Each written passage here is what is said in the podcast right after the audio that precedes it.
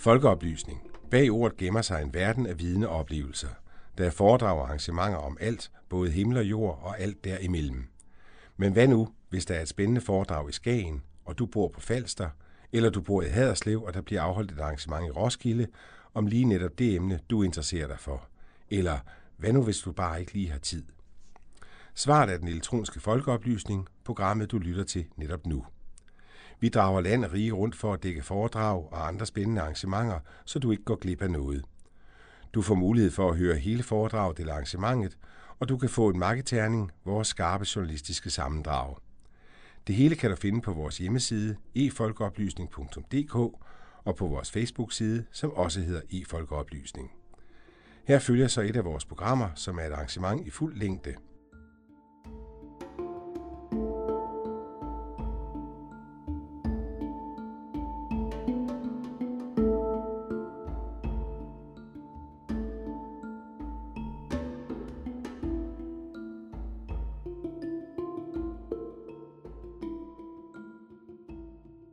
Hvad kan Eske Villerslev og andres forskning om blandt andet vores gener egentlig fortælle os?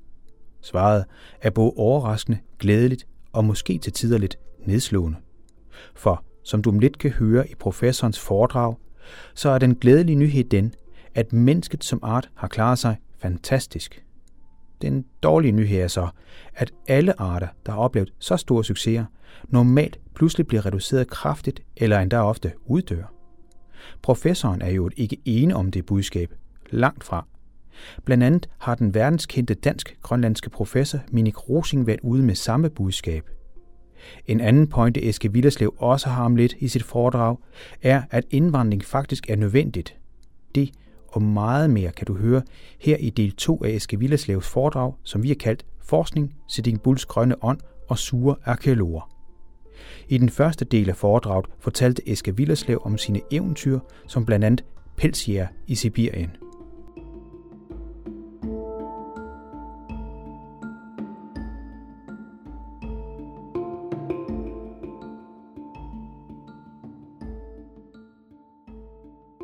Jeg kom tilbage og blev forsker, fordi da jeg kom tilbage fra den her øh, pelsjæger-oplevelse, der må jeg så sige, der var jeg simpelthen mega træt af at fryse mega træt af at sulte, og mega træt af alt det der. Så jeg tænkte, at jeg bliver nødt til at gøre noget andet. Det, det jeg lige vil nævne her på, til allersidst omkring pelsjærlivet der, det er, øh, jeg kan huske, at jeg læste som ung, og altså læste jeg jo nogle af de der bøger med Nansen og Johansen og så videre, der, der tog ud i ødemarken. Og det, der slog mig, var, at mange af de her mennesker, øh, faktisk øh, blevet mærkelige øh, efterfølgende, og også gjorde selvmord, øh, og havde meget, meget svært ved at vende tilbage, kan man sige, til øh, øh, civilisationen. Og øh, det må jeg sige, det, øh, det var fuldstændig det samme med mig. Jeg havde et kæmpe øh, eksistentiel krise øh, ved den her tilbagekomst, og jeg var lige ved at tage tilbage igen. Men jeg var også godt klar over, at det her var skillevejen, altså at hvis jeg tog tilbage, jamen så vil jeg aldrig, eller sandsynligvis øh, aldrig komme tilbage til Danmark igen. Men heldigvis så valgte jeg ligesom at, at, øh, at leve det her ud og at blive her, og jeg besluttede mig for, at jeg ville tage mig en uddannelse. Og færdig, jeg var startet på biologistudiet, jeg havde selvfølgelig ligesom ikke været der så meget, øh, og det besluttede mig så for, at det, det ville jeg gøre. Og øh, der blev jeg simpelthen, det må jeg sige, øh, da jeg lavede, jeg synes biologistudiet var sindssygt kedeligt. Men da jeg lavede mit speciale, som handlede om at udvinde DNA fra iskerner, så blev jeg fuldstændig grebet af det her med videnskab. Fordi det er faktisk som om at være på ekspedition. Som, det er det samme som at være på ekspedition ude i Sibirien. Det foregår bare op i hovedet. Øh, du taler med dig selv. Nej, øh, det, det foregår op i hovedet. At du forestiller dig, det, det er ligesom at komme ind i ukendt land.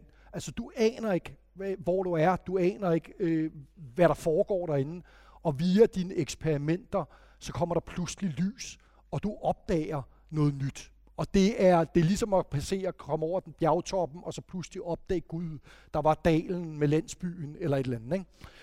Så jeg er blevet helt grebet af det, og jeg øh, besluttede mig for, at øh, ved specialet, at jeg vil være videnskabsmand, og jeg vil lave en videnskabelig karriere. Og mens jeg havde været ekstremt langsom om at lave hele studiet, mere end 10 år, så blev jeg øh, lavet en videnskabelig lynkarriere. Altså, jeg blev professor øh, halvandet år efter, jeg var blevet færdig med min, øh, med mit, øh, med min PhD. Ikke? Øh, og det er jo fordi, når man er grebet af tingene. Men man kan sige, jeg glemte ikke øh, de oplevelser, jeg havde haft i Sibirien. Så som jeg talte om, så øh, det her med for eksempel de store pattedyr, med marmutterne osv., hvorfor uddøde de? Det var en af de ting, som jeg satte mig for at undersøge ved hjælp af DNA-teknologi. Og øh, der havde vi alle de her knogler i, øh, hjemme hos mine forældre. Dem borede jeg ud og udvandt DNA af. Og så tog jeg tilbage til Sibirien, tilbage til Alaska og indsamlede flere knogler. Og ved at udvinde, kan man sige, knoglematerialet for alle de her forskellige dyr, heste og bison og marmutter osv., så, så kunne vi faktisk, øh, kan man sige, rekonstruere, hvordan har antallet af de her dyr svinget over tid. Og øh, det, øh, der, når man taler om de her dyrs uddøen, så er der, kan man sige, to hovedteorier, som, øh, som folk går rundt med, videnskaben går rundt med. Den ene er, at det er mennesker, der slog dem ihjel. Altså, at der kom mennesker op i de her nordlige områder. De her dyr har aldrig set mennesker før. De stod bare bøh, mens at jægerne nakkede dem en efter en. Og det skete øh, til synligheden meget hurtigt. Man taler om uddøen ved blitzkrig. Øh, det er sådan et udtryk fra 2. verdenskrig, hvor man går ind og så i løbet af 1000 år, øh, i det her tilfælde øh, fra første kontakt, så er de uddød. De andre, den anden teori er, at det er klimaforandringer. At, at øh, klimaet er blevet varmere og fugtigere, ligesom i dag, og det førte altså til en gigant katastrofe. For vi taler om, at to tredjedel af alle de store pattedyr på den nordlige halvkugle, de uddøde. Så man kan sige, at det her er jo ikke kun et spørgsmål om, hvad skete der med mammuten.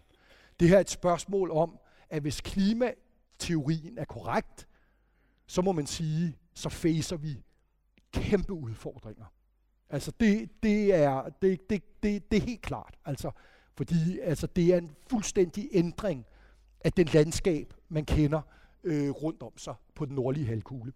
Og det vi kunne se af de her første studier på knoglerne, det var, at øh, dyrene svingede, kan man sige, sammen med klimaet. Så det er helt klart, det tyder på, at det var klimaet på en eller anden måde, der gjorde det her.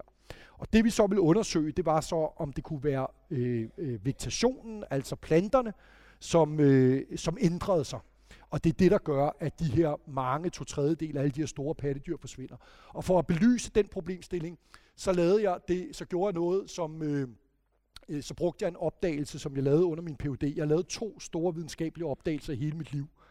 I siger, det er måske ikke ret mange, men jeg kræfter mig lavet en hel karriere på dem. Og jeg kan sige, at der er mange, der er mange som aldrig har lavet en. Men jeg har lavet to virkelig fundamentale. Og den ene af dem var denne her, nemlig at man kan tage og udvinde DNA'et af dyr og planter direkte fra jord. Fra en, sådan en sukkerknald størrelse jordklump, der kan du simpelthen udvinde, hvad er det for nogle planter og dyr, der var der, dengang det var en del af overfladen. Så vi gik ud og samlede permafrostkerner hen over hele den nordlige halvkugle, og udvandt dernede og rekonstrueret, hvordan har plantesammensætningen været.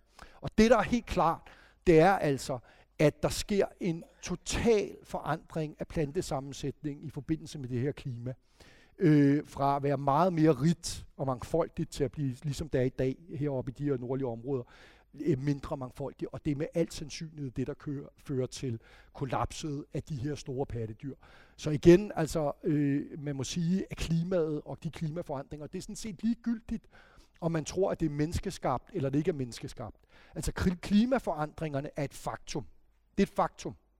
Og jeg vil sige, når man så går tilbage og siger, hvad er konsekvenserne af de her klimaforandringer, så må man sige, at de er katastrofale, eller kan være katastrofale. Øh, her borer vi permafrostkerner ude i Sibirien, kan I se, ikke? Øh, ind med sådan en boremaskine.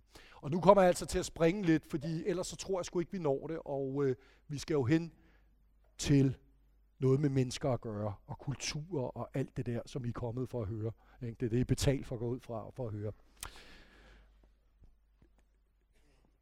Når vi taler om mennesket og menneskets historie, så må man sige, at vi er jo det mest forunderlige og succesfulde pattedyr, der nogensinde har eksisteret. Tænk på det. Vi som det eneste pattedyr har befolket og tilpasset os alle dele af jordkloden. Ikke? Antarktis, Arktis, troberne. Vi er over det hele. Og vi har tilpasset os det øh, i form af det, at vi har udviklet en kultur, som gør, at vi kan tage klæder på, når det bliver koldt. Ikke? Vi kan lave et telt, når det regner. Og som det eneste væsen her på jorden, er vi til med øh, kommet ud i rummet. Ikke? Altså, vi er en biologisk kæmpe succes. Men, når man kigger på øh, kan man sige, jordens historie som evolutionsbiolog, så kan vi også se, at alle arter, som har haft en succes på et tidspunkt, så er det slut. Og det vil det også være for os på et eller andet tidspunkt. Det tror jeg er, er, er øh, ikke er til at diskutere. Så kan man diskutere, hvad er det, der gør det slut. Men jeg kan også sige i forhold til det her med klimaforandringerne, vi øh, alle pattedyr har også en bærekapacitet. Ikke? Øh, det vil sige, at du kan blive mange, mange, mange, og på et tidspunkt, så er, kan der ikke være plads til flere. Sådan er det bare. Om ikke andet, så kan man sige, så er det et spørgsmål, om man står sådan her op og ned af hinanden. Og så det, der sker hos pattedyr, det er jo, så sker der et kæmpe kollaps. Det er jo det, du ser i rensdyrbestanden, som vokser, vokser, vokser, og så øh, når de bærekapaciteten, og så siger det bang, og så falder det hele fra hinanden. Og så er der næsten ikke nogen af dem tilbage. Man overlever normalt det der, men det er jo selvfølgelig ikke særlig sjovt at være individ under kollapset. Det tror jeg helt sikkert. men Øh, det er den anden, når vi taler om menneskets historie, så er det den anden, kan man sige, større øh, opdagelse som, eller øh, opnåelse, jeg har gjort. Jeg var, min gruppe var dem, der lavede det første hele arvemasse fra et fortidsmenneske. Og øh, arvemassen, det er jo det DNA'et, som kommer 50% fra vores far, 50% fra vores mor, og som er i alle vores celler. Og det er den samme kode, der er i alle vores celler. Men hver individ har en forskellig kode. Der er noget af koden, der er den samme, og der er noget, der er forskellig. Ikke? Øh, og da man lavede det første menneskelige genom, det gjorde man for en 15 år siden, der kostede det sådan noget 15-20 milliarder at lave.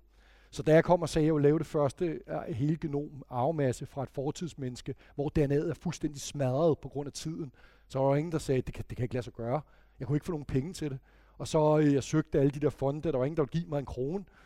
Øh, og så, var det, øh, så kontaktede jeg så, øh, hvad hedder det, ham der ejer Færing-koncernen, som er sådan en rigmand, milliardær. Ikke? Øh, jeg hørte, han havde en fond, og så sagde, skrev jeg, øh, kære Poulsen, øh, jeg har den her idé, jeg har hørt, at du har den her fond, så om fonden er lukket. Men jeg synes fandme, det er en sindssygt fed idé, du har, sagde han. Her er der 250.000, sagde han så, så kan du se, om det kan lade sig gøre. I hvert fald kan du vise, om det kan lade sig gøre. Og så næste dag, så sagde han, giv mig din bankkonto, og så var det der. Og så kunne jeg vise, at det kunne lade sig gøre. Fordi der var kommet ny teknologi, og det kunne lade sig gøre. Og det, vi lavede det så fra en hårtot, fra det ældste menneske, kan man sige, man kender fra Grønland, som er 4.000 år gammel. Og det blev startskuddet til, at vi kunne genbesøge, og også andre nu har taget op, og genbesøge menneskets historie ved hjælp af DNA. Og bruge DNA'et til at trace, hvordan er vi mødt hinanden, hvordan er vi spaltet ud, hvordan er vi relateret til hinanden gennem tiden. Øh, og øh, en af de områder, som jeg har arbejdet rigtig meget med, og stadig arbejder med, det er jo indvandringen til Amerika. Og øh, det er et ekstremt kontroversielt emne, det er meget omdiskuteret, der er mange forskellige teorier, der er helt den klassiske, du ved, at øh, de første mennesker kommer her fra Sibirien, ikke? Øh, nogle af de der sibiriske grupper, jeg møder, mødt derop, som går over Beringstrædet ind i Alaska over en landbro. Og her så i Alaska, der kan de ikke komme videre, fordi der ligger to kæmpe store iskarper hen over Nordamerika. Men så bliver der dannet en isfri korridor for omkring en 13.000 år siden, og så kan de så vandre ned og op, optage hele Nord- og Sydamerika. Og der går teorien også, at de slår alle de der store pattedyr ihjel øh, på vejen. Men så er der altså folk, der har postuleret, nej, der har været mennesker før 13.000 år siden, som kom forbi øh, iskarperne ved at sejle langs vestkysten. Øh, så er der hele diskussionen, altså så er der en diskussion om, hvornår kommer de ind, men der er også en diskussion af, hvem var de? Øh, nogle siger, jamen det er indianernes forfædre. Andre siger, at det er overhovedet ikke noget med indianer at gøre. Det er nogle uddøde asiatiske grupper, eller der er sågar nogen, der har sagt, at det er europæere, som krydser Atlanterhavet, fordi at stenteknologien for nogle af de her første mennesker i Amerika ligner meget stenteknologien i Europa på det her tidspunkt. Og der taler man om det, der hedder solution theory, og den kan indianerne selvfølgelig ikke lide, vel? Europæerne var de første, og så kom indianerne bagefter fra Sibirien ifølge den her teori, og så udryddede de lige alle europæerne. Ikke? Så der i ligger jo sådan lidt, så kom europæerne bare tilbage og tog det, der i virkeligheden var deres. Ikke? Ikke? Og så er der sågar nogen, som øh, siger, at de første mennesker kom fra Australien, og så igen blev fortrængt af indianernes forfædre. Så alt er ligesom oppe in the air. Når jeg skal lige sige, når man så taler Arktis, altså Nord Alaska, øh, Nordkanada og Grønland, der har vi jo inuitter i dag, som, er sådan, som vi ved med sikkerhed, jamen det er forfædrene til nutidens grønlændere. Men der har været mennesker heroppe i, i, i, i de sidste 6.000 år. Og er de her mennesker så inuiternes forfædre, eller er de nogle andre? Og det har man heller ikke. Det har der også været masser af diskussion om. Og det er jo der, hvor vi brugte hårtorten. Og vi indsamlede senere andre materialer fra Kanada og Alaska. og det, der er helt klart, når du kigger på Arktis, hvis vi starter der, det er, at der har i hvert fald været to uafhængige indvandringer i Arktis. Den første, det er det, vi i dag kalder paleoeskimoer. De kommer ind for 6.000 år siden, spreder sig til hele Arktis, og der lever de i cirka 4.000 år. Så kommer inuiternes forfædre, de her tulekulturen, som de kaldes. De kommer fra Sibirien, sætter sig her i Alaska, der udvikler de en meget sofistikeret valfangerteknologi og spreder sig lynhurtigt hen over Arktis. Og samtidig med, at de spreder sig, så uddør de her paleoeskimoer. Vi ved ikke, hvorfor de uddør, om de bliver slået ihjel, eller om det er sygdom, men det er helt tydeligt, det er noget med inuiterne at gøre. Fordi inuiterne kommer, og 100 år efter, hver gang de kommer frem, du ved, så er de der paleoeskimoer, de døde. De her paleoeskimoer er virkelig specielle. De er jo altså uddøde. Men meget, meget specielle. De øh, er nogle af de få folk, som vi har undersøgt i verden, som til synlædende ikke rigtig blander sig med nogen. De lever øh, for sig selv.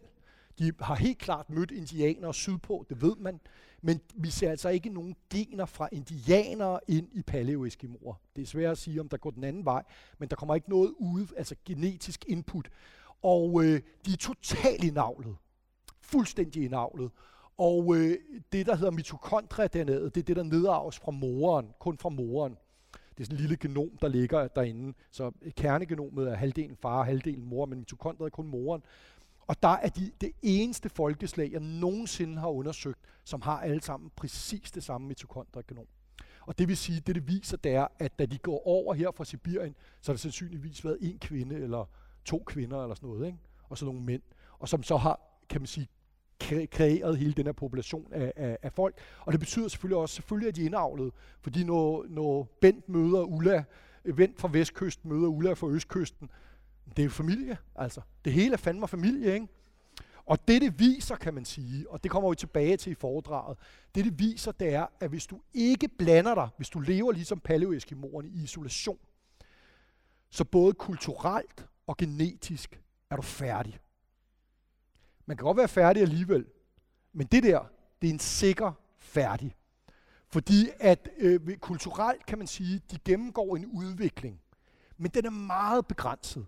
Så hvis du tager sådan noget paleoeskimoisk, de kan gå ind på Nationalmuseet der til min bror og, og se øh, paleoeskimoisk øh, fangerudstyr. Øh, og så kan I se ved siden af, der kan I, hvis I ser noget inuit fangerudstyr, så svarer det altså til, at inuiterne de har sådan en Gore-Tex-jakke, mens paleoeskimoerne de har en eller anden øh, uldanorak øh, fra Nansens tid eller sådan noget. Ikke? Altså det er helt tydeligt selv for en ikke-specialist, at det der, altså det, at inuit-delen er helt overlegen. Og øh, inuiterne har jo været levet her i kontakt med en masse mennesker over i Sibirien, ikke? mens de her paleoeskimoer har isoleret sig selv. Og fordi de både kulturelt og genetisk øh, isolerer sig selv, så er det altså det rutens vej. Og det er, det vil jeg sige, det er, øh, øh, man kan sige, jeg var en af dem, som faktisk øh, var meget, meget skeptisk over for indvandring.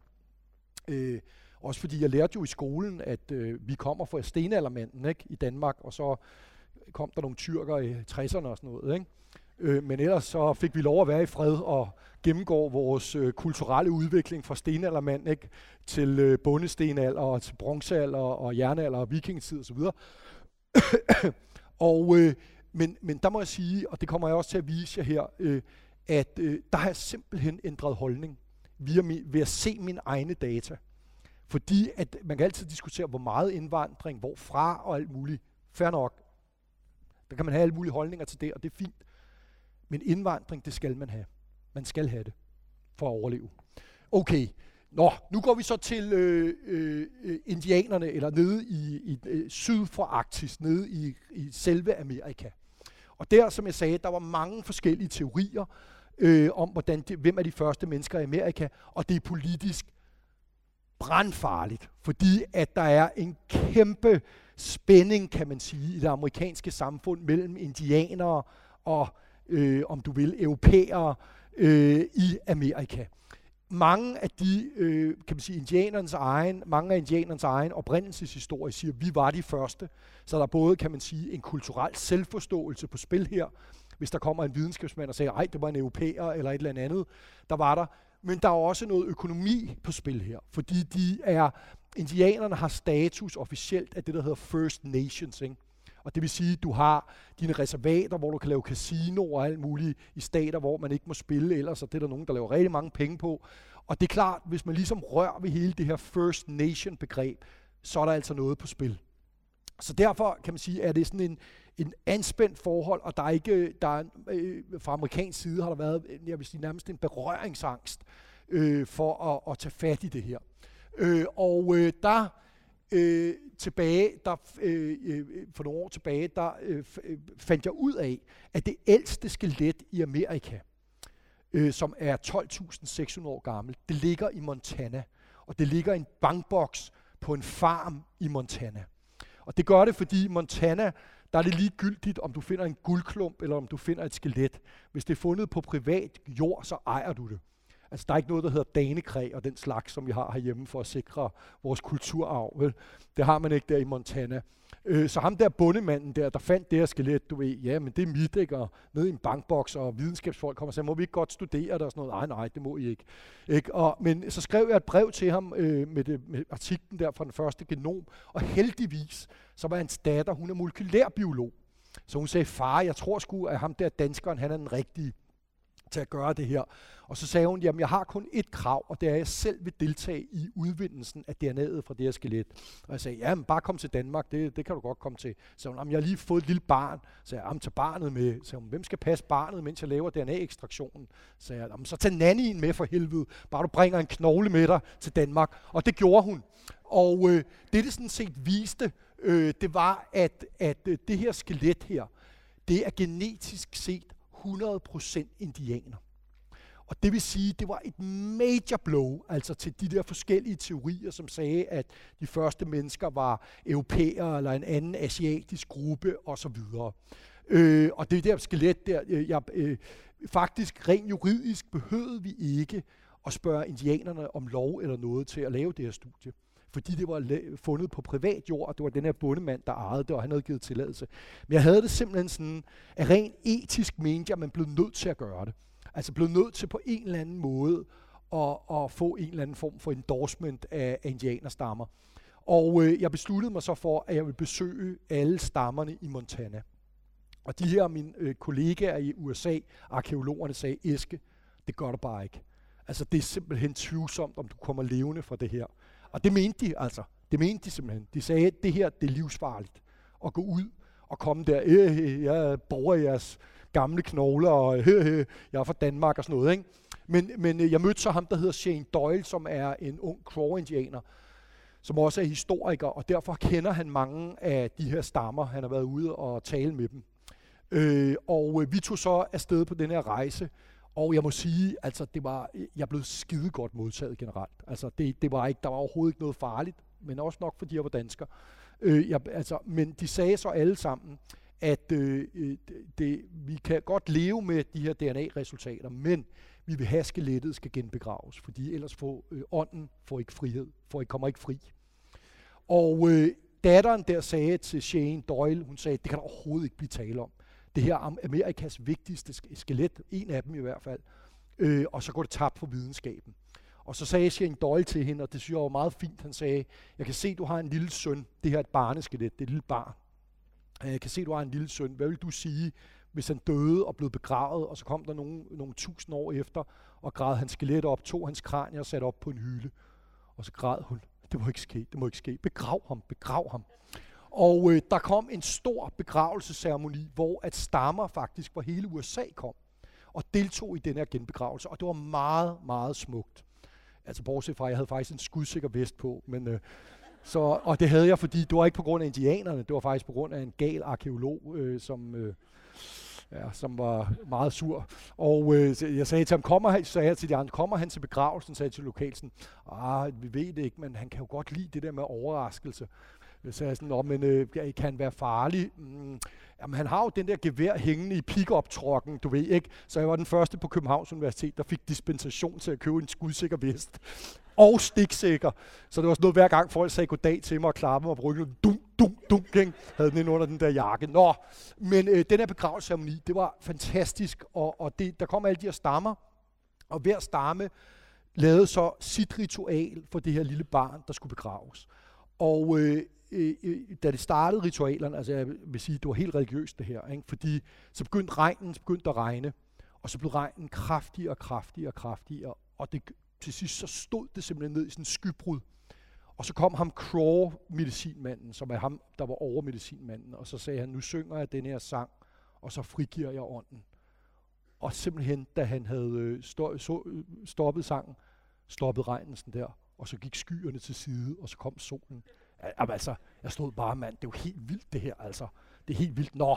Og det var så der, hvor jeg så også blev optaget. Det var meget stort for mig, fordi jeg sagde, fortalte jeg jo, at jeg meget gerne ville være indi, altså jeg drømte om pelsjære indianer, ikke? Og så blev jeg simpelthen optaget i Crawstammen.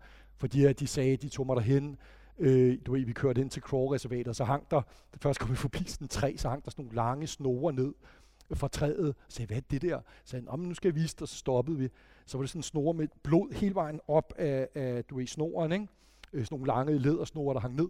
Og så var det, øh, det var sgu soldans. De havde lige haft soldans, hvor de bliver pirset, du ved, og så hængt op. Og jeg tænkte, fuck mand, nu skal jeg igennem et eller andet, du ved, ikke sådan noget der, ikke? Men, men heldigvis, så kom vi hen til en, et sted, hvor der var tibi, og så havde vi mad og så videre. Så rejste en af de her soldansehøvdinger så op og sagde, det er så sjældent, at der er nogen, der har indflydelse, der gør noget for os og det har du gjort her, og derfor vil vi gerne optage dig i stammen, og jeg fik så navnet den velkendte spejderdreng, ikke? men øh, okay, der måske ikke, ej, det betyder også velkendt ud. det lyder lidt federe, ikke? men øh, anyways, øh, så vil jeg lige nævne, øh, det er noget, som der ikke har været ret meget om i danske medier, men var meget stort i USA, det vi lavede det, det er, øh, og det bliver hurtigt, fordi ellers når vi sgu ikke det her, men, men, men det var den her Kennevik Man, som er øh, det skelet, som er symbolet på kampen mellem videnskaben og de oprindelige folk.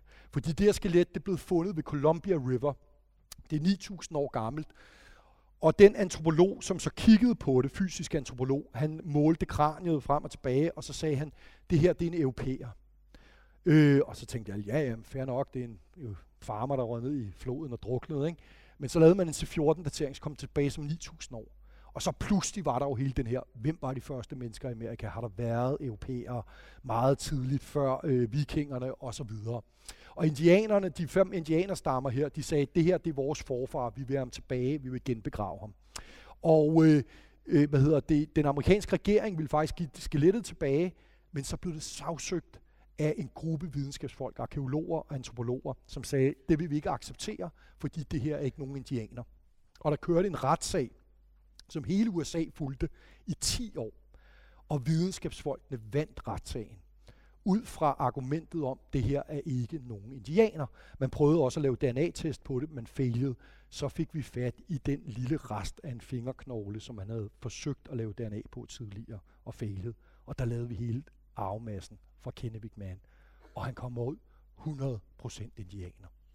Og det betød, at da Obama forlod det hvide hus, lige før han forlod det hvide hus, så lavede han et, en, sådan et underskrevet aktstykke, som inkluderede, at Kennevik Man gik tilbage til indianerstammerne. Og faktisk sidste år blev jeg inviteret med til genbegravelsen øh, af Kennevik Man. Ikke? Og det var, så jeg, jeg vil sige, der blev meget populær øh, blandt mange indianere, fordi det, det er sådan, alle kendte til det her studie. I hele USA, Canada, alle kendte til det. Derimod blev der mega upopulær blandt alle, næsten alle arkeologer og videnskabsfolk. Øh, og øh, hvad hedder det, der er sådan en, vi er ved at lave, vi, der, der er lige kørt her på DR2 tredje gang genudsendelse, det der hedder DNA-detektiven, og det er faktisk ved at lave tre nye programmer. Og der har vi sådan en scene, hvor jeg skyper med en af de her arkeologer, og han er bare sviner mig til, og siger, der er ingen, der kan fordrage dig. Siger jeg sådan, hvem, hvem kan ikke lide mig sådan? ingen, siger han så. du ved. Så det bliver man altså ikke populær på, men man må jo gå med, øh, med, øh, med, øh, kan man sige, med, med, med, med resultaterne. Det er jo vigtigt som videnskabsmand. Der, det viser også i den her dokumentar, som kommer nu, øh, viser det også, det når jeg ikke at sige særlig meget om her, tror jeg, men, men det viser også, hvad der sker, når man får et politisk ukorrekt resultat. For det har jeg faktisk også prøvet med indianerne, og det gjorde fuldstændig amok på mig. Jeg står i sådan en hederceremoni, hvor jeg har, hvor jeg har lavet Kennevik Mand og fortæller sig om det nye resultat, hvor efter de bare sviner mig til, nå, så, men, men det er prisen, det bliver man nødt til, når man er videnskabsmand. Øh, jeg ved sgu ikke, hvordan ser vi ud på tiden her? Vi har det endnu, ikke? Og okay, så tager vi skulle lige Sitting Bull. Skal vi lige tage Sitting Bull? Den er også meget sjov, og I kan også få resultatet. Vi har ikke publiceret det, men I kan få resultatet. Øh, Sitting Bull, altså det, det, det var også en af mine første encounters med indianere. Det var, altså Sitting Bull er min store, store held.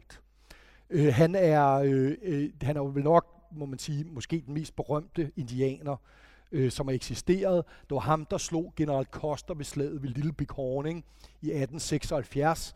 Øh, og han flygter så øh, til Kanada i eksil og, og lever der, men bliver så politisk, kan man sige, faktisk forset tilbage til USA, hvor han så lever i et reservat, tager med øh, Buffalo Bills Wild West Show rundt, og så videre, og øh, så bliver han slået ihjel i øh, 18, øh, jeg tror det er 1891.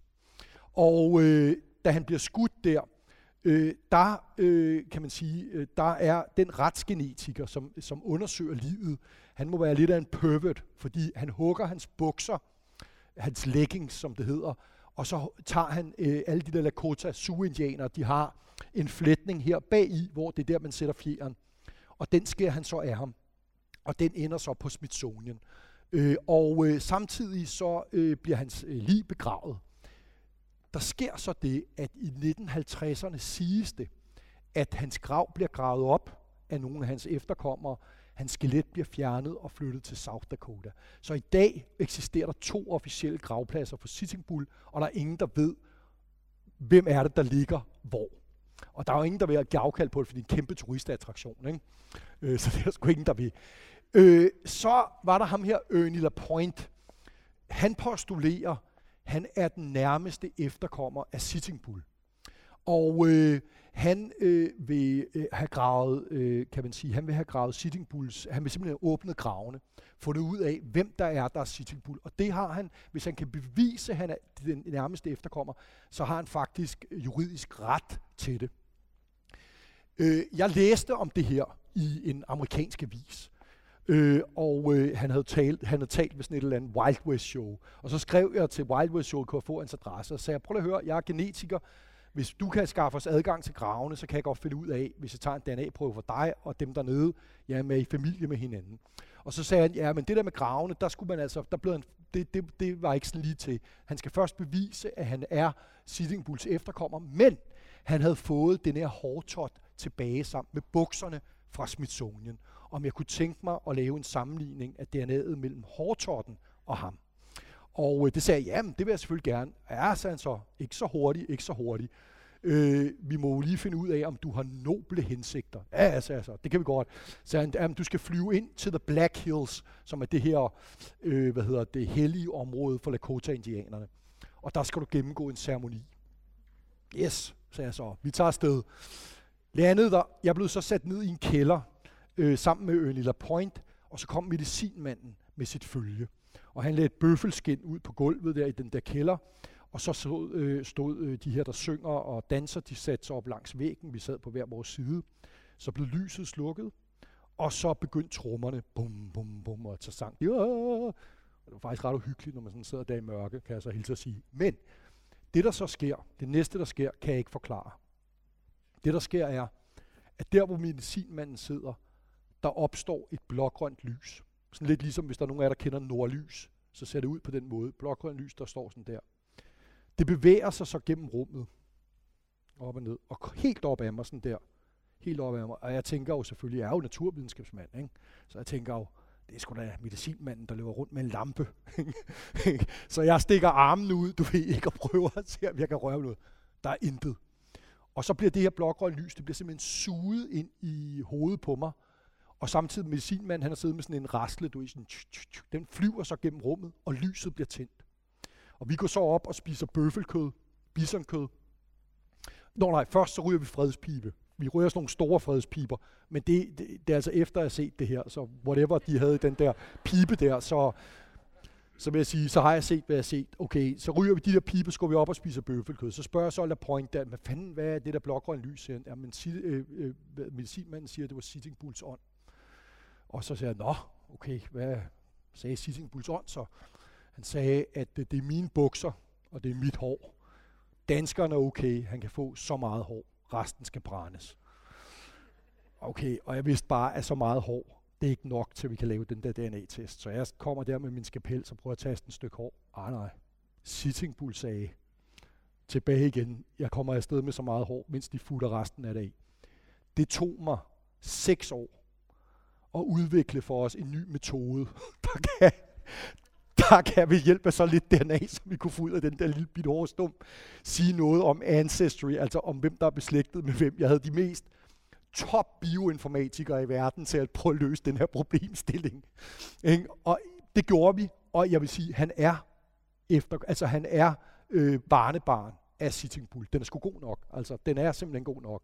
Så han venter på, og han er rigtig sur nu, fordi vi ikke har publiceret det nu. Fordi det, han venter på, er jo selvfølgelig, at det kommer i trykken, og så kan han gå hen og bruge det til at sige, at jeg vil åbne kraven. Ikke? Så det er bare for at fortælle jer lidt om, øh, hvordan det her det er et studie, vi lavede her i år, eller sidste år, men det tror jeg ikke, vi når. Jeg vil lige, øh, ja, og det her, det er, oh, det var, oh, oh, hvor lang tid er vi igen, siger vi? 20, ah, okay, ej, så når vi det sgu ikke, desværre. Må du være, jo, I skal lige have den med lortene, det må I lige få. Okay, så det var, øh, I skal lige have den her med, øh, hvornår kommer de første mennesker så ind i Amerika. Og der har, kan man sige, indtil for ganske, ganske nylig, har den helt almindelige opfattelse været, det skete simpelthen ikke før 13.000 år siden. Det skete ikke før det. Det var den gængse opfattelse. Det hedder det, der hedder Clovis first. Det er, at de, de første mennesker tilhørte det, der hedder Clovis-kulturen med sådan nogle store lansespidser. Og det er også, kan man sige, det helt obvious, sikre bevis, du kan se øh, arkeologisk, jamen det er mennesker, der er ingen tvivl om det.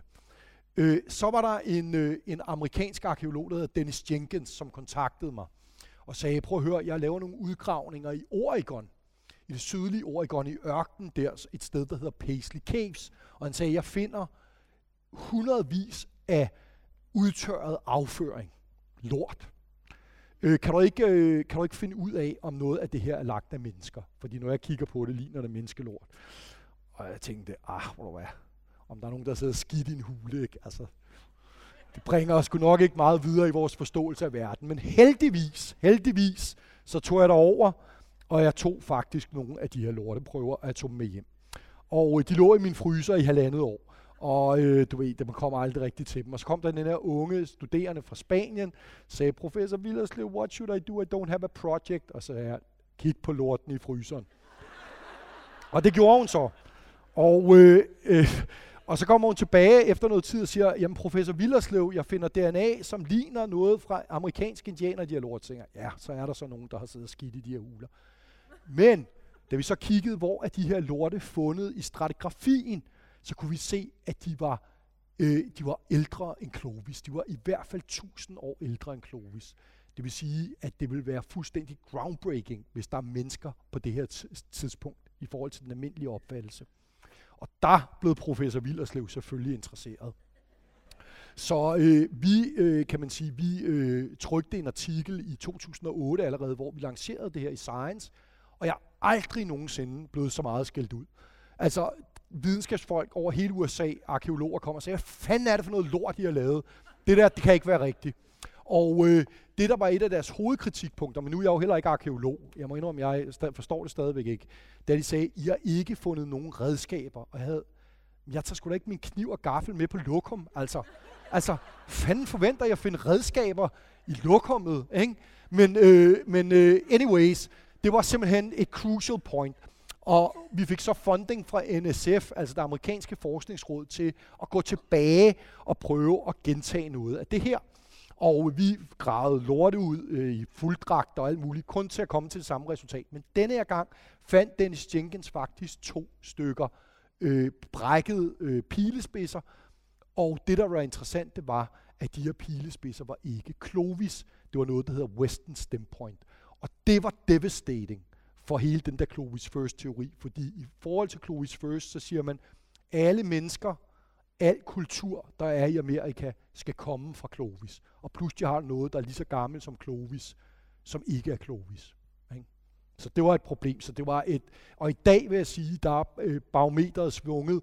Altså fra, at da vi startede, der var det måske 90 procent af alle arkeologer, som mente, at øh, Clovis First var rigtig. I dag vil jeg sige, der er lige omvendt. Der tror folk, altså der har været mennesker i Amerika før. Vi ved ikke, hvor meget før, men det har der. Så er der den her med en isfri korridor, men ved du hvad, den tror jeg altså også, vi må hoppe over. Så tager vi øh, til Australien. Nu tager vi til Australien i stedet. Øh, Australien er helt afgørende i den videnskabelige diskussion af, hvordan vores art, det moderne menneske, spredte sig ud i verden. Fordi øh, man kan sige, det, jeg vil sige med, med sikkerhed i dag er det bevist, at vi kommer alle sammen fra Afrika. Altså det var et stort diskussionsemne meget, meget længe, om det var tilfældet eller ej. Men det vil jeg sige, det er stadfæstet i dag. Vi kommer alle sammen fra Afrika oprindeligt, øh, og derfra spreder vi os ud til resten af verden. Men hvordan foregik det? Var det én vandring ud af Afrika? Var det flere vandringer ud af Afrika? Var det sådan, at der var nogen, der spredte sig ud i verden før andre? Eller gjorde vi det bare som sådan en kæmpe palet, kan man sige, hvor nogen gik nordpå op i Europa, andre gik østover ind i Asien. Og de australske aboriginer er simpelthen helt centrale i den debat. Fordi enten så tror man på, at de, at de australske aboriginer er en slags asiater, altså kommer, øh, kan man sige, spaltet ud af den asiatiske bølge østpå, eller, som nogen har foreslået, at det er nogle mennesker, som i virkeligheden spalter ud meget tidligere end både asiater og europæere. Og øh, det besluttede jeg mig for, at det skulle vi undersøge.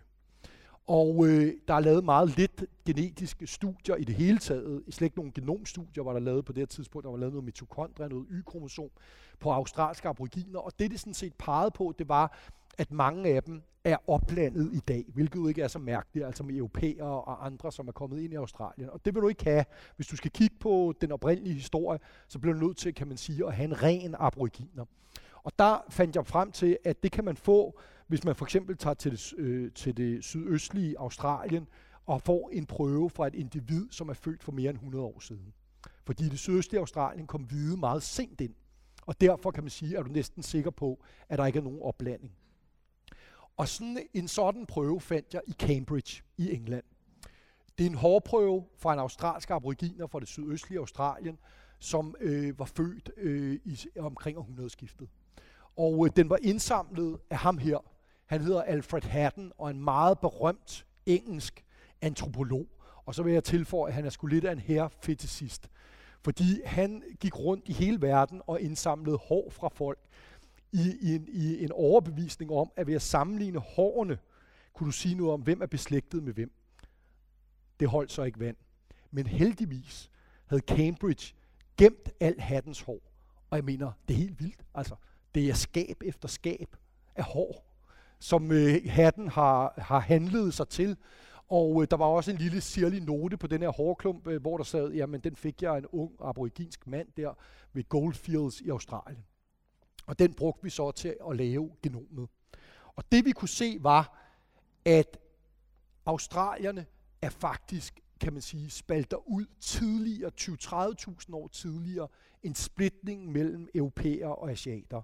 Så australierne, vil jeg sige, at dem, som lever i dag i hvert fald, som stadig har efterkommer i dag, som er de første menneskelige eventyr. De går ud i en verden, altså det er en helt vild rejse, de tager. Det, vi taler om, at for en 60-70.000 år siden, så bevæger de sig ud i en verden, som efter hvad vi ved, ingen moderne mennesker har været i. Ikke? Der lever sådan nogle arkaiske neandertalere og sådan noget rundt derude. Ikke? Men, men, men det er det. Og der tager de altså en rejse, som går hele vejen over og krydser havet for 50.000, i hvert fald 50.000 år siden, og kommer ind i Australien. Altså, det er fantastisk og viser jo, kan man sige, menneskehedens enorme potentiale. Altså, at man kan gøre det for 50, 60, 70.000 år siden. Øh, og så derefter, man kan sige, vores forfædre, altså europæerne og asiaternes forfædre, jeg, måske, jeg skulle ked af at sige det, jeg er jo altså selv europæer, altså vi er fandme nogle bangerøve, altså, ikke? fordi vi sidder herovre, ikke? 20-30.000 år, åh, oh, verden er farlig, oh, nej, vi bliver her. Og så til sidst, så tager vi os sammen, ikke? og så, ah, okay, vi må også komme ud. Og, øh, og der asiaterne, de møder så nogen, altså det er jo ikke alle dem fra den første bølge, der går ned i Australien. Der er jo nogen, der bliver tilbage, og der møder de så nogle af dem fra den, øh, kan man sige, fra den første bølge, og har sex med dem. Og det er derfor genetisk set, at asiater er nærmere beslægtet med australier, end europæer er i dag. Men det er altså en sekundær ting, det er ikke en primær ting. Øh, så Australien er altså de første øh, øh, eventyr. Men her i Australien er det ligesom i USA sindssygt følsomt. Det, der ikke var gået op for mig, idiot som jeg er, det er jo selvfølgelig, at jeg ikke havde læst ordentligt på lektien. Ikke? Der er jo selvfølgelig en grund til, at der ikke var nogen, der havde lavet det skide genom før. Ikke? Ikke? Det tænkte bare sådan, det kan jeg da ikke forstå, der ikke er nogen, der har lavet det der. Det er jo så spændende. Ikke? Det er jo fordi, det var pisse politisk følsomt. Og øh, jeg fik simpelthen at vide, øh, du ved, da vi mødte en, øh, en studerende, der var i Berkeley fra Australien, og hun sagde, er I klar over, hvad fanden I er gang i? Altså, I kan simpelthen ikke gå ud med det her, uden at I har fået en tilladelse fra australske aboriginer. Og så begyndte jeg at læse på det, og så viste det sig, at Stanford og National Geographic havde forsøgt du ved, at få lov til at segmentere og kortlægge arvemassen fra en australier, og de havde bare fået nej. Det der øh, National Geographic-projekt, det var kaldt The Vampire Project. De sagde, nu har I taget alt fra os, nu vil I også tage vores arvemasse. Ikke? Ikke? Og, øh, og der stod jeg så i et dilemma, fordi på den ene side, så var jeg juridisk, kan man sige, behøvede jeg ikke at gøre det. Fordi juridisk tilhørte den der hårdprøve, tilhørte Cambridge, som havde givet tilladelse. Men etisk er det klart, at lov og etik behøver ikke at være det samme. Men jeg var også klar over, at får, spørger du, og får du et nej, jamen altså, så er det over. Altså, du kan jo ikke gå ud og spørge, og så gøre noget andet end, end det svar, du får. Så der var et kæmpe dilemma, og der var nogle af mine kollegaer, der sagde, du spørger bare ikke. Altså, vi har investeret en million kroner i det her, og jeg ved ikke, hvor mange menneskers arbejde og sådan noget. Men jeg besluttede mig så at sætte alt på et bræt, og simpelthen spørge. Og øh, jeg øh, fandt så ud af, at øh, på den der lille håndskrevne note, Øh, stod der jo, at den her prøve kom fra The Goldfields i det sydøst, øh, sydvestlige Australien, men der stod ikke hvilken stamme. Men jeg fandt så ud af, at der var et rød, som repræsenterede alle stammerne i det sydøstlige Australien. Så jeg skulle ikke kun dele med en, jeg skulle kraftdamme og dele med 14 stammer. Ikke? Nå, jeg sendte så et brev. Mit navn er Esk. Jeg kommer fra Danmark. Øh, jeg har kigget på det her. Det her er, hvad jeg har fundet. Øh, må jeg ikke godt komme ned og fortælle jer om det? Og øh, det mest utrolige var, at jeg fik skudt svar tilbage, der hed, kom, vi vil gerne se dig. Og ud i krakkemutten, du ved, ud og møde dem. Og det var den mest fantastiske oplevelse. Øh, de sagde til min store overraskelse, da jeg ankommer, de siger, øh, du ved, jamen, det er så spændende, det du har lavet. De tager mig ud i ødemarken og fortæller mig om, hvordan det er, man levede som øh, jæger øh, ude i, i, i, i buschen i skal tænke på, at de her mennesker, som jeg mødte, der altså i, de sidste kommer ind fra et totalt liv i buschen. Altså uden nogen kontakt til civilisationen i 1970'erne. Det er så sent. Så de her er børn af de her mennesker. Det vil sige, altså de kan stå og kigge på solen, så kan de sige, hvad klokken er. De kan kigge ned i jorden, så kan de sige, har der været en kænguru her, ikke? Altså, så det var jo fantastisk. Og så spurgte jeg, så gav de mig tilladelse. De gav mig tilladelsen, og jeg spurgte så, hvordan kan det være, at jeg har fået den her tilladelse, når, jeg, når der er blevet sagt nej til alle andre, og sagde, der er to grunde. Den ene er, at du kom og spurgte, tog halvdelen af jorden rundt for at møde os, og den anden er, at du er dansker. Hvis du havde været amerikaner, franskmand, englænder, tysker, og i særdeleshed australier, så havde du ikke fået den. Øh, og det er fordi, altså det må man sige, det er det samme, jeg oplever med indianerne, det er fordi, vi ikke har den der, i hvert fald særlig kendte kolonihistorie. Ikke? Øh, og, og jeg vil sige, at, øh, jeg vil sige, at, øh, at øh, de her mennesker, når du så læser deres historie og ser, hvordan de bliver behandlet selv den dag i dag, kan fandme love dig for, at jeg kan forstå. Der var det, det, det var det møde, hvor det gik op for mig som videnskabsmand, hvor det virkelig gik op for mig for første gang, hvorfor er det, at man skal tage hensyn til andre menneskers indstilling til sådan noget her, som, øh, som at lave det her videnskab. Før havde jeg, det må jeg sige, grundlæggende havde jeg den holdning, Jamen, menneskets historie tilhører os alle sammen. Vi er alle sammen øh, connected til hinanden. Vi kommer alle sammen fra Afrika oprindeligt. Hele menneskets historie tilhører os alle sammen. Der er ikke nogen, der skal sidde og sige, du må ikke, fordi det er vores allesammens historie. Der gik det op for mig, hvorfor at det ikke hænger sådan sammen. Og det gør det ikke, fordi de her mennesker sidder og slås for at bevare en kultur, som er under massiv pres. Altså, de lever under fattigdomsgrænsen. Man tror ikke, man er et, i et, et, et, et moderne land, altså, når du er derude. Det, det, det, det, og, og du ved, de unge er på drugs og alkohol og lim og benzin og hvad fanden man ellers kan. Og de her ældre, ældre aboriginer sidder og forsøger at holde fast på denne her kultur, så den ikke fuldstændig smuldrer for de her mennesker. Hvis en som jeg kommer og fortæller en anden historie om oprindelsen, end, det, der, end den historie, de fortæller, så underminerer jeg fuldstændig deres standing i det her samfund. Ikke? Og det gik op for mig. For første gang, det var meget simpelt, når man ved det, men før det, der må jeg indrømme, der tænkte jeg sådan, ah, det er sådan noget politisk motiveret, du ved ikke, altså ved casinoer, eller hvad fanden det nu er, ikke? Men nej, der er faktisk et reelt problem. Og jeg, der tog jeg den holdning, at jeg vil aldrig nogensinde igen lave et studie, hvor at, øh, kan man sige, hvor øh, der ikke er, altså jeg vil aldrig lave et studie, hvor der ikke er en godkendelse, hvis det er befolkningsgrupper, som er under øh, pres. Og man kan sige, at jeg har fået et ekstremt nært forhold til de her mennesker. De har også været i København, og du ved, jeg viste dem DNA-laboratorierne, og de var så mere interesserede i kron, kron, kronjuvelerne, vil jeg sige. Men, men, øh, men, men altså, øh, og det er noget, jeg også gør i dag. Hver gang vi arbejder med oprindelige folk, så kommer de, inviterer jeg dem øh, til København, så de kan møde de mennesker. Altså, det er vildt interessant. Altså, der har simpelthen været indianer, der har stået nede i vores clean lab. Der har vi jo sådan nogle rumdragter på ikke for at undgå forurening, ikke? så står de der i rumdragter med flætningerne ude, du ved, med trommerne og, og sådan noget, ikke? for at lave ceremonier over en eller anden ånd, øh, et, et skelet og sådan noget. Ikke? Men det er en fantastisk øh, måde at, kan man sige, forstå hinanden på. Øh, og, øh, og så holder de foredrag om, hvorfor at det betyder noget for dem, at man sidder og skærer i deres forfædres knogler, og vi prøver at fortælle, hvad er det, man kan lære ved det. Og på den måde møder man hinanden. Øh, men man skal der er noget, der er vigtigere end videnskab og videnskabelige resultater, og det er levende mennesker og deres, kan man sige, ved og vel.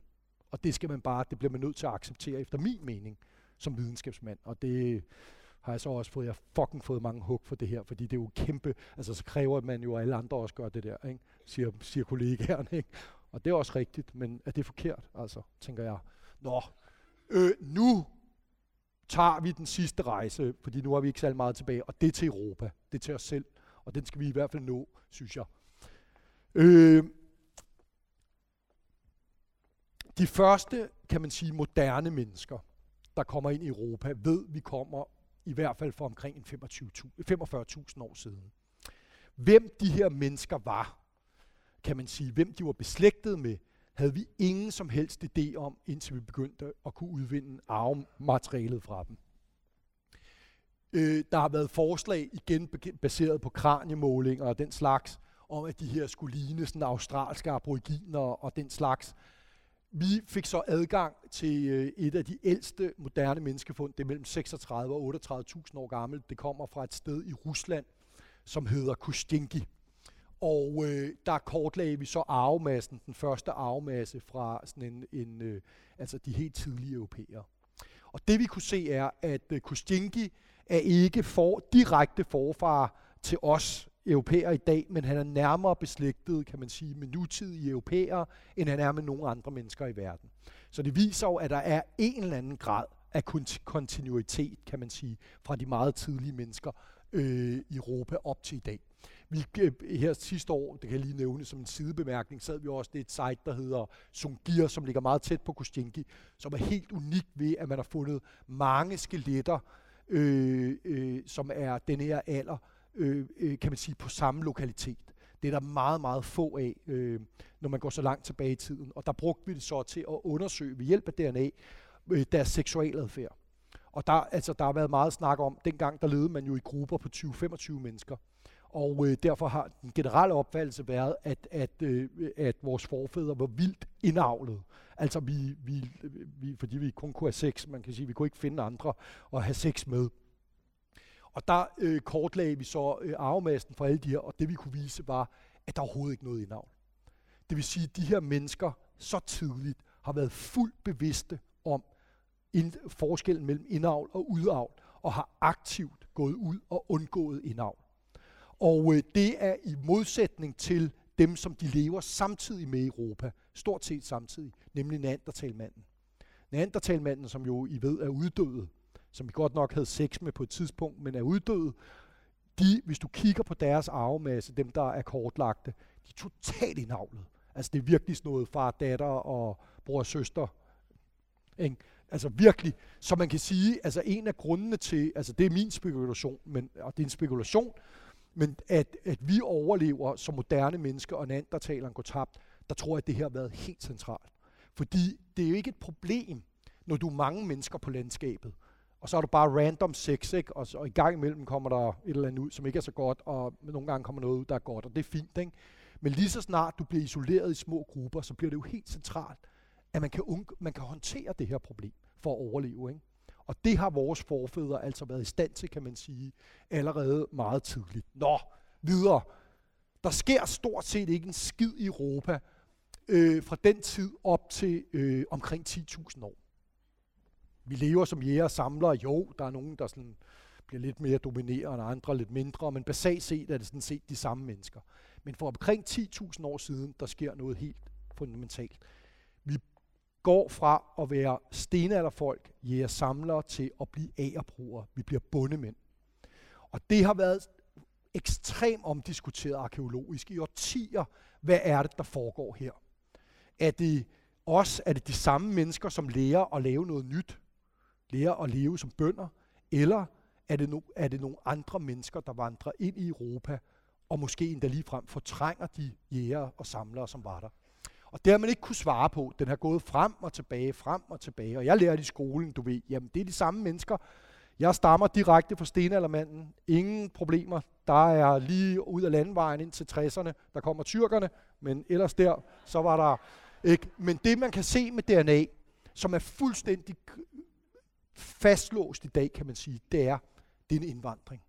Og det er en indvandring, som kommer fra Mellemøsten og fra Nærøsten hvor man har lært at dyrke jorden, og man spreder sig simpelthen op igennem øh, Europa. I Sydeuropa, der er de her bønder, de møder jægerne, og de har voldsom sex med hinanden. De har så meget sex, at, øh, kan man sige, at sydeuropæerne sådan set genetisk set ligner de her bønder, som kom ind. Altså, øh, så efterhånden som de her øh, bønder vandrer nordpå, så af en eller anden grund, vi ved ikke hvorfor, så bliver seksualtrangen mindre. De har stadigvæk en lille smule sex heroppe i Skandinavien, altså oppe i Danmark, men langt fra så meget som dernede i Sydeuropa. Og da de så går over i Østeuropa, så hører drifterne fuldstændig op. Og øh, der afleverer de altså simpelthen øh, leen og koen og siger, den må I godt få, men sex, det vil vi ikke have mere. Og det er derfor, at genetisk set, kan man sige, genetisk set, der er det østeuropæerne, som i virkeligheden er mest ligner genetisk set de oprindelige, kan man sige, ja, samlere, der var i Europa. Okay? Øh, der er masser af konflikt i starten øh, ved denne her indvandring, og det er det, I vil se med alle de, øh, gentagelser. Altså, det, det fører til vold, det fører til parallelsamfund, men lige så snart folk begynder, kan man sige, at udveksle koner og mænd med hinanden i en eller anden grad, så sker integrationen, og vi bliver altså til kan man sige, bønder. Og der får vi så lov at være i fred, om man vil, øh, ind til bronzealderen, men det er ikke særlig lang tid. Altså, det er så 5.000 år siden, så øh, går der amok igen. Og øh, igen har vi haft diskussionen, vi ser kæmpe store forandringer i Europa. Øh, det er der, kan man sige, den familiestruktur, som vi i virkeligheden har i dag, øh, med at, at kernefamilien bliver den vigtigste enhed. Det er der, det bliver etableret øh, øh, hvad hedder det, vi får på at bruge nye metaller osv., skyldes det en indvandring, eller er det de samme mennesker, som lærer noget nyt? Og øh, der lavede vi det, et af de største DNA-studier, der er lavet til dato. Og øh, det, der blev klokkeklart, det var, at for 5.000 år siden har du igen en massiv indvandring. Denne her gang øh, til Europa, denne her gang kommer den ned fra Vestasien og det sydøstlige Europa. Det er et folk, der hedder Jamnaya-folket. Det er et hyrdefolk.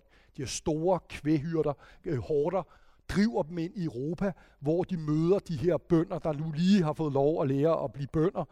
Vi har lige gået igennem integrationen. Du ved, vi har lige kommet igennem det, og nu kan vi dyrke jorden. Og så kommer fandme de her Jamnaya-folk med deres kæmpe store hårder af kvæg, og igen masser af vold. Man finder simpelthen Jamnaya-folk skudt i ryggen med en pil, og så øh, tracker du pilespidsen, og så kan du se, det er den nærmeste øh, bundelandsby. Ikke? øh, men endnu en gang, så begynder folk at have sex med hinanden, og så sker integrationen ekstremt hurtigt. Øh, og jeg kommer tilbage til om lidt, hvad jamnajaen betyder. Øh, for det får kæmpe betydning for os her i Danmark, øh, for hvem vi er. Øh, jeg vil lige sige, der sker også en vandring af jamnaja østover, ind i Centralasien, og ind, øh, altså ind ved Mongoliet og, og Vestkina og de her steder, hvor de øh, slår sig ned. Og øh, så i slutningen af bronzealderen, så er det faktisk vores tur til at migrere. Så i Nordeuropa, der er et folk, som vi, man kalder dem forskellige ting, forskellige steder i Europa, men mange kalder dem Centasta. Og det er folk, som fra Danmark og Nordtyskland og sådan nogle steder, og det er en krigerkultur. De har de første øh, stridsvogne, altså det, ligesom dem, man ser i Ben Hur og de der steder, ikke? sådan nogle stridsvogne, og de tæsker bare derud og ud over Uralbjergene, ind i Centralasien, fjerner alle de der Jamnaya-folk der.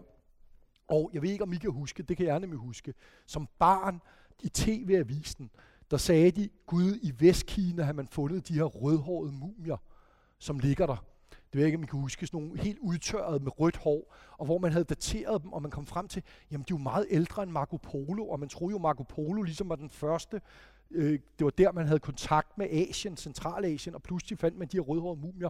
Vi har aldrig fået tilladelse af kineserne til at lave noget på dem, men, men vi har lavet på prøver lige uden for Kina. Øh, og det er Santasta. Det er simpelthen Santasta-folket, som er der. Og jeg kan så afsløre, at der kommer nogle artikler ud her meget snart på det, vi har lavet i Nature Science. Men det, man sådan set, der sker efter Santasta, er, at så bliver hesten, den bliver tæmmet. Hesten bliver tæmmet, og det, øh, og det gør, at øh, da den først, den tæmning bliver udbredt rundt, så ændrer hele verden sig. Øh, og øh, øh, altså, hvis I nogensinde har været på steppen, jeg var til, med til at lave en udgravning der på steppen, altså det er som at se en motorvej. Altså hvis du forestiller dig en motorvej, du har ingen bil, vel? Og så pludselig så kommer bilen, og det er bare sådan noget, wow, ikke? Og så går det helt amok, og så kommer simpelthen asiatiske horder, vælter ind over steppen i flere omgange. Hunderne, den mongolske Golden Horde med Genghis Khan og så videre. Og den manøvre inden for de sidste bare tusind år, transformerer hele Asien, altså Centralasien og Vestasien, fra at være, kan man sige, befolket af europæere til at blive befolket af asiater. Altså, så det er så sent i vores historie, at det sker. Nå, hvad betyder Jamnaya-folket? Jamnaya-folket har betydet sindssygt meget. For det første, så var der flere lingvister, der havde forudset, at denne her spredning, den tidlige spredning af det, vi kalder de indoeuropæiske sprog, det er blandt andet dansk, det, kom, det må have været kommet med en vandring nede fra øh, Østeuropa, Vestasien som er gået østover og nordvest på. Og det er jo det, vi har set her, og det passer fuldstændig tidsmæssigt. Det vil sige, at Naja-folket kom, kan man sige, med baggrunden for det, vi i dag kalder dansk. De kom altså med sproget. Men ikke nok med det. De kom også med udseendet i allerhøjeste grad. Før det, der så vi sådan her ud. Eller sådan rimelig meget sådan der. Altså vi, vi, var, vi var ret små øh, i højde. Øh, vi havde meget, meget mørk hud, og så havde vi blå eller grå øjne. Så man kan sige, at vi er altså fenotypisk ret forskellige fra det, som kan man sige er meget almindeligt i dag, i hvert fald i Europa. Jamen, Naja-folket er meget høje, har lys hud og, og, og, og, øh, og øh, brune øjne. Og man kan sige, så hele det der med den lyse hud, øh, som er sådan typisk, som man forbinder med noget nordeuropæisk, det er altså ikke mere end 5.000 år gammelt i Europa. Det er virkelig, virkelig sent. Og højden, må man sige, som også er kendetegnet på sådan en nordeuropæer i dag, det er også ikke mere end 5.000 år gammelt. Altså. Så det er, man kan sige, hele den måde, af, af, som vi ser os selv på, og sådan typisk dansk og alt det der, det er altså rimelig ungt det her med at kunne drikke mælk, det er altså rå mælk. Det er noget, vi alle sammen kan som øh, børn. Men som voksne på verdensplan er der virkelig få mennesker, som faktisk kan drikke ubehandlet mælk, uden at blive syge af det. Men i Nordeuropa, der er det omkring 70-80 procent af befolkningen kan gøre det. Altså, de er laktosetolerante, kan nedbryde mælkesukker. Den egenskab troede man er meget gammel i Europa. Man tænkte, jamen det er, når vi får af eller øh, bundemænd, ikke? Og mælke køer og bang, bang, drik noget mælk og sådan noget. Vi kan se, det er noget, der først er blevet almindeligt inden for de sidste 2.000 år af vores historie. Og den kommer, den genetiske evne kommer med Jamnaya-folket. Jamnaya-folket har det, og da vi har sex med Jamnaya-folket, leverer de den evne til os. Hvad er det så, der driver øh, de her øh, store vandringer i bronzealderen? Det er jo noget, som i hvert fald jeg tit bliver spurgt om, hvis jeg taler med medierne. Hvorfor gjorde folk det? Hvorfor begyndte de at vandre? Og der er ingen af os, der kan svare på det. Men vi har selvfølgelig også som videnskabsfolk spekuleret over det her, og vi tænkte, at vi prøvede du klimaforandringer og alt muligt, men vi kunne sgu ikke rigtig se nogen klimaforandringer. Og så var der en, der sagde, med at prøve at lede efter sygdomme. Og den eneste sygdom, vi havde hørt om, det var pest øh, den sorte død og alt det her. Ikke? Øh, men den skulle først ske 3.000 år senere. Øh, men så begyndte vi at lede i DNA'et i de her knogler og fandt mig. Omkring 10% af bronzealbefolkningen er simpelthen inficeret med pest. Og øh, det er, så det vil sige, pest og epidemier sker altså, det troede man var noget, der knyttede sig til dannelsen af bysamfund. Fordi der får du folk, der lever meget tæt sammen, ikke? Øh, og så kan du få spredningen. Men der må man bare sige, det er altså udbredt meget, meget tidligt, og Vi har også en anden artikel, der kommer ud her nu med HPV, altså hepatitis B, som er jo en af de ting, man taler selv den dag i dag om. Og det troede, de fleste har troet, det er ikke mere end 500 år gammelt, kom fra Amerika. Det er over 5.000 år. Og det har været udbredt også i sådan 12 procent af befolkningen, altså tilbage for 5.000 år siden. Og der kan man begynde så også at kigge på sådan noget med, hvordan muterer virus, det er en virus, det er en bakterie. Hvordan muterer virus, og hvor er det? Det vil sige, hvad kan vi forvente i fremtiden, for eksempel? Altså af, af den her sygdom. Hvor kan den mutere? Hvor kan den blive øh, letal? Hvor er det vigtigt? Hvor finder du øh, konservative regioner, hvor man kan lave vacciner osv.? Mega øh, interessant. Men man kan sige, det nu ender øh, øh, fortællingen her, men det jeg vil ende med at sige omkring det der med Europa, det er, altså nu har der været meget snak om den, eller er meget snak, vil jeg sige, om danskhed og og øh, hvad kan man sige, hvad er danskhed og sådan noget. Ikke? Og, øh, og øh, en ting øh, må man, kan man sige, ved at slå de her resultater i hvert fald fast, det er, at hvis der er noget, der hedder danskhed, hvilket jeg vil betvivle i første instans, men hvis det eksisterer, så må man sige, så er det en ting, som, ikke, som er en konstant forandring, og har altså været det igennem de sidste 10.000 år, og det skal man altså være klar over. Det er ikke, danskhed er ikke noget, som er stationært danskhed er ikke, at man siger, du ved, jamen sådan er det ligesom, det, sådan har vi altid lært på steg eller et eller andet. Altså du ved, som vi altid har spist eller et eller andet. Det resultaterne viser er, at det er i konstant forandring, både kulturelt, men også genetisk. Der kan jeg også afsløre, at vi ikke publiceret det endnu, men det er først ved vikingetiden. Det er slutningen af vikingetiden. Det er der, hvor du får et arvemasse, som er tilsvarende, kan man sige, den arvemasse, du finder hos en etnisk dansker i dag. Før det er den formet af den ene indvandring efter den anden.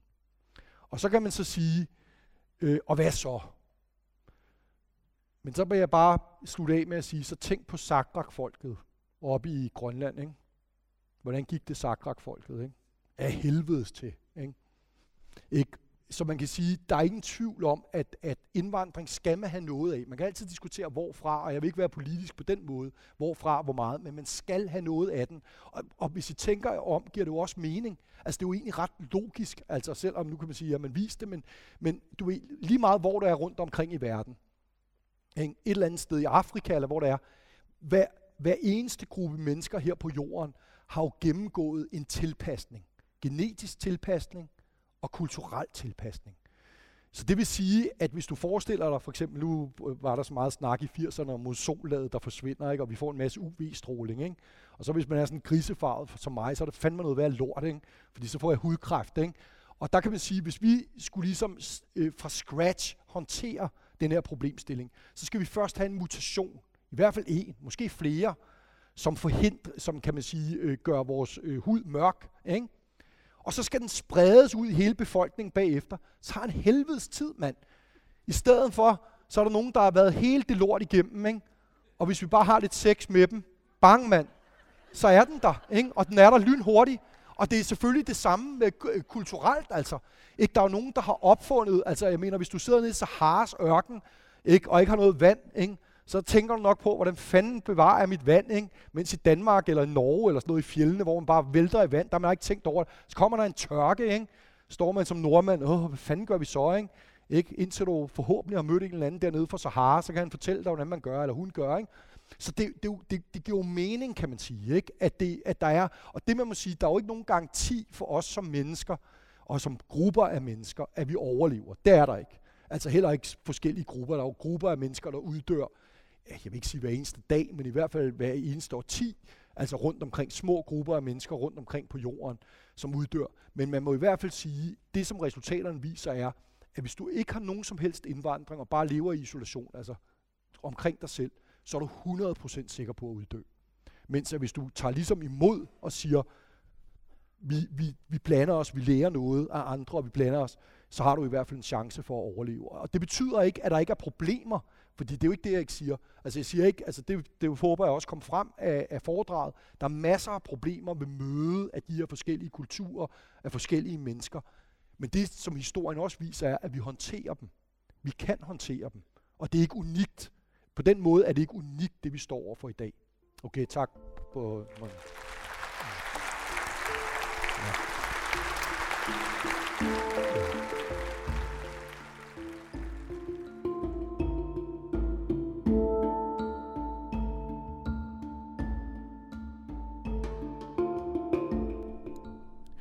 Sådan sagde altså Eske Villerslev. De var den unge københavnske Aftenskole Kulturmix, der sammen med aftenskolerne.dk stod for arrangementet, som blev afholdt i foredragssalen på Professionshøjskolen Metropol i København. Del 1 af foredraget fra pelsjæger til professor kan du blandt andet høre eller genhøre på efolkeoplysning.dk. På Facebook-siden af samme navn vil du også kunne høre foredragene, og i øvrigt mange andre spændende foredrag som podcast. Har du lyst til selv at deltage og høre et foredrag, eller måske endda gå på aftenskole, så findes der jo rigtig mange aftenskoler over hele landet, der alle har spændende arrangementer. Det her foredrag var, som nævnt, arrangeret af Kulturmix og aftenskolen.dk, som du naturligvis også kan finde på nettet.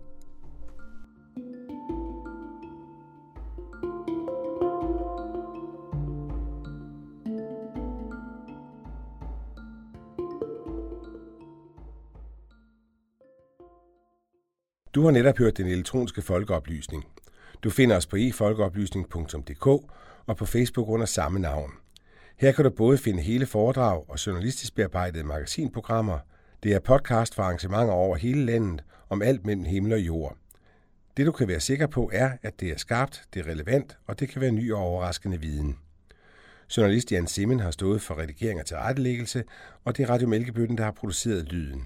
Tovholder på projektet er SLR TV, mens det er Dansk Folkeoplysnings Samråd, der støtter projektet finansielt.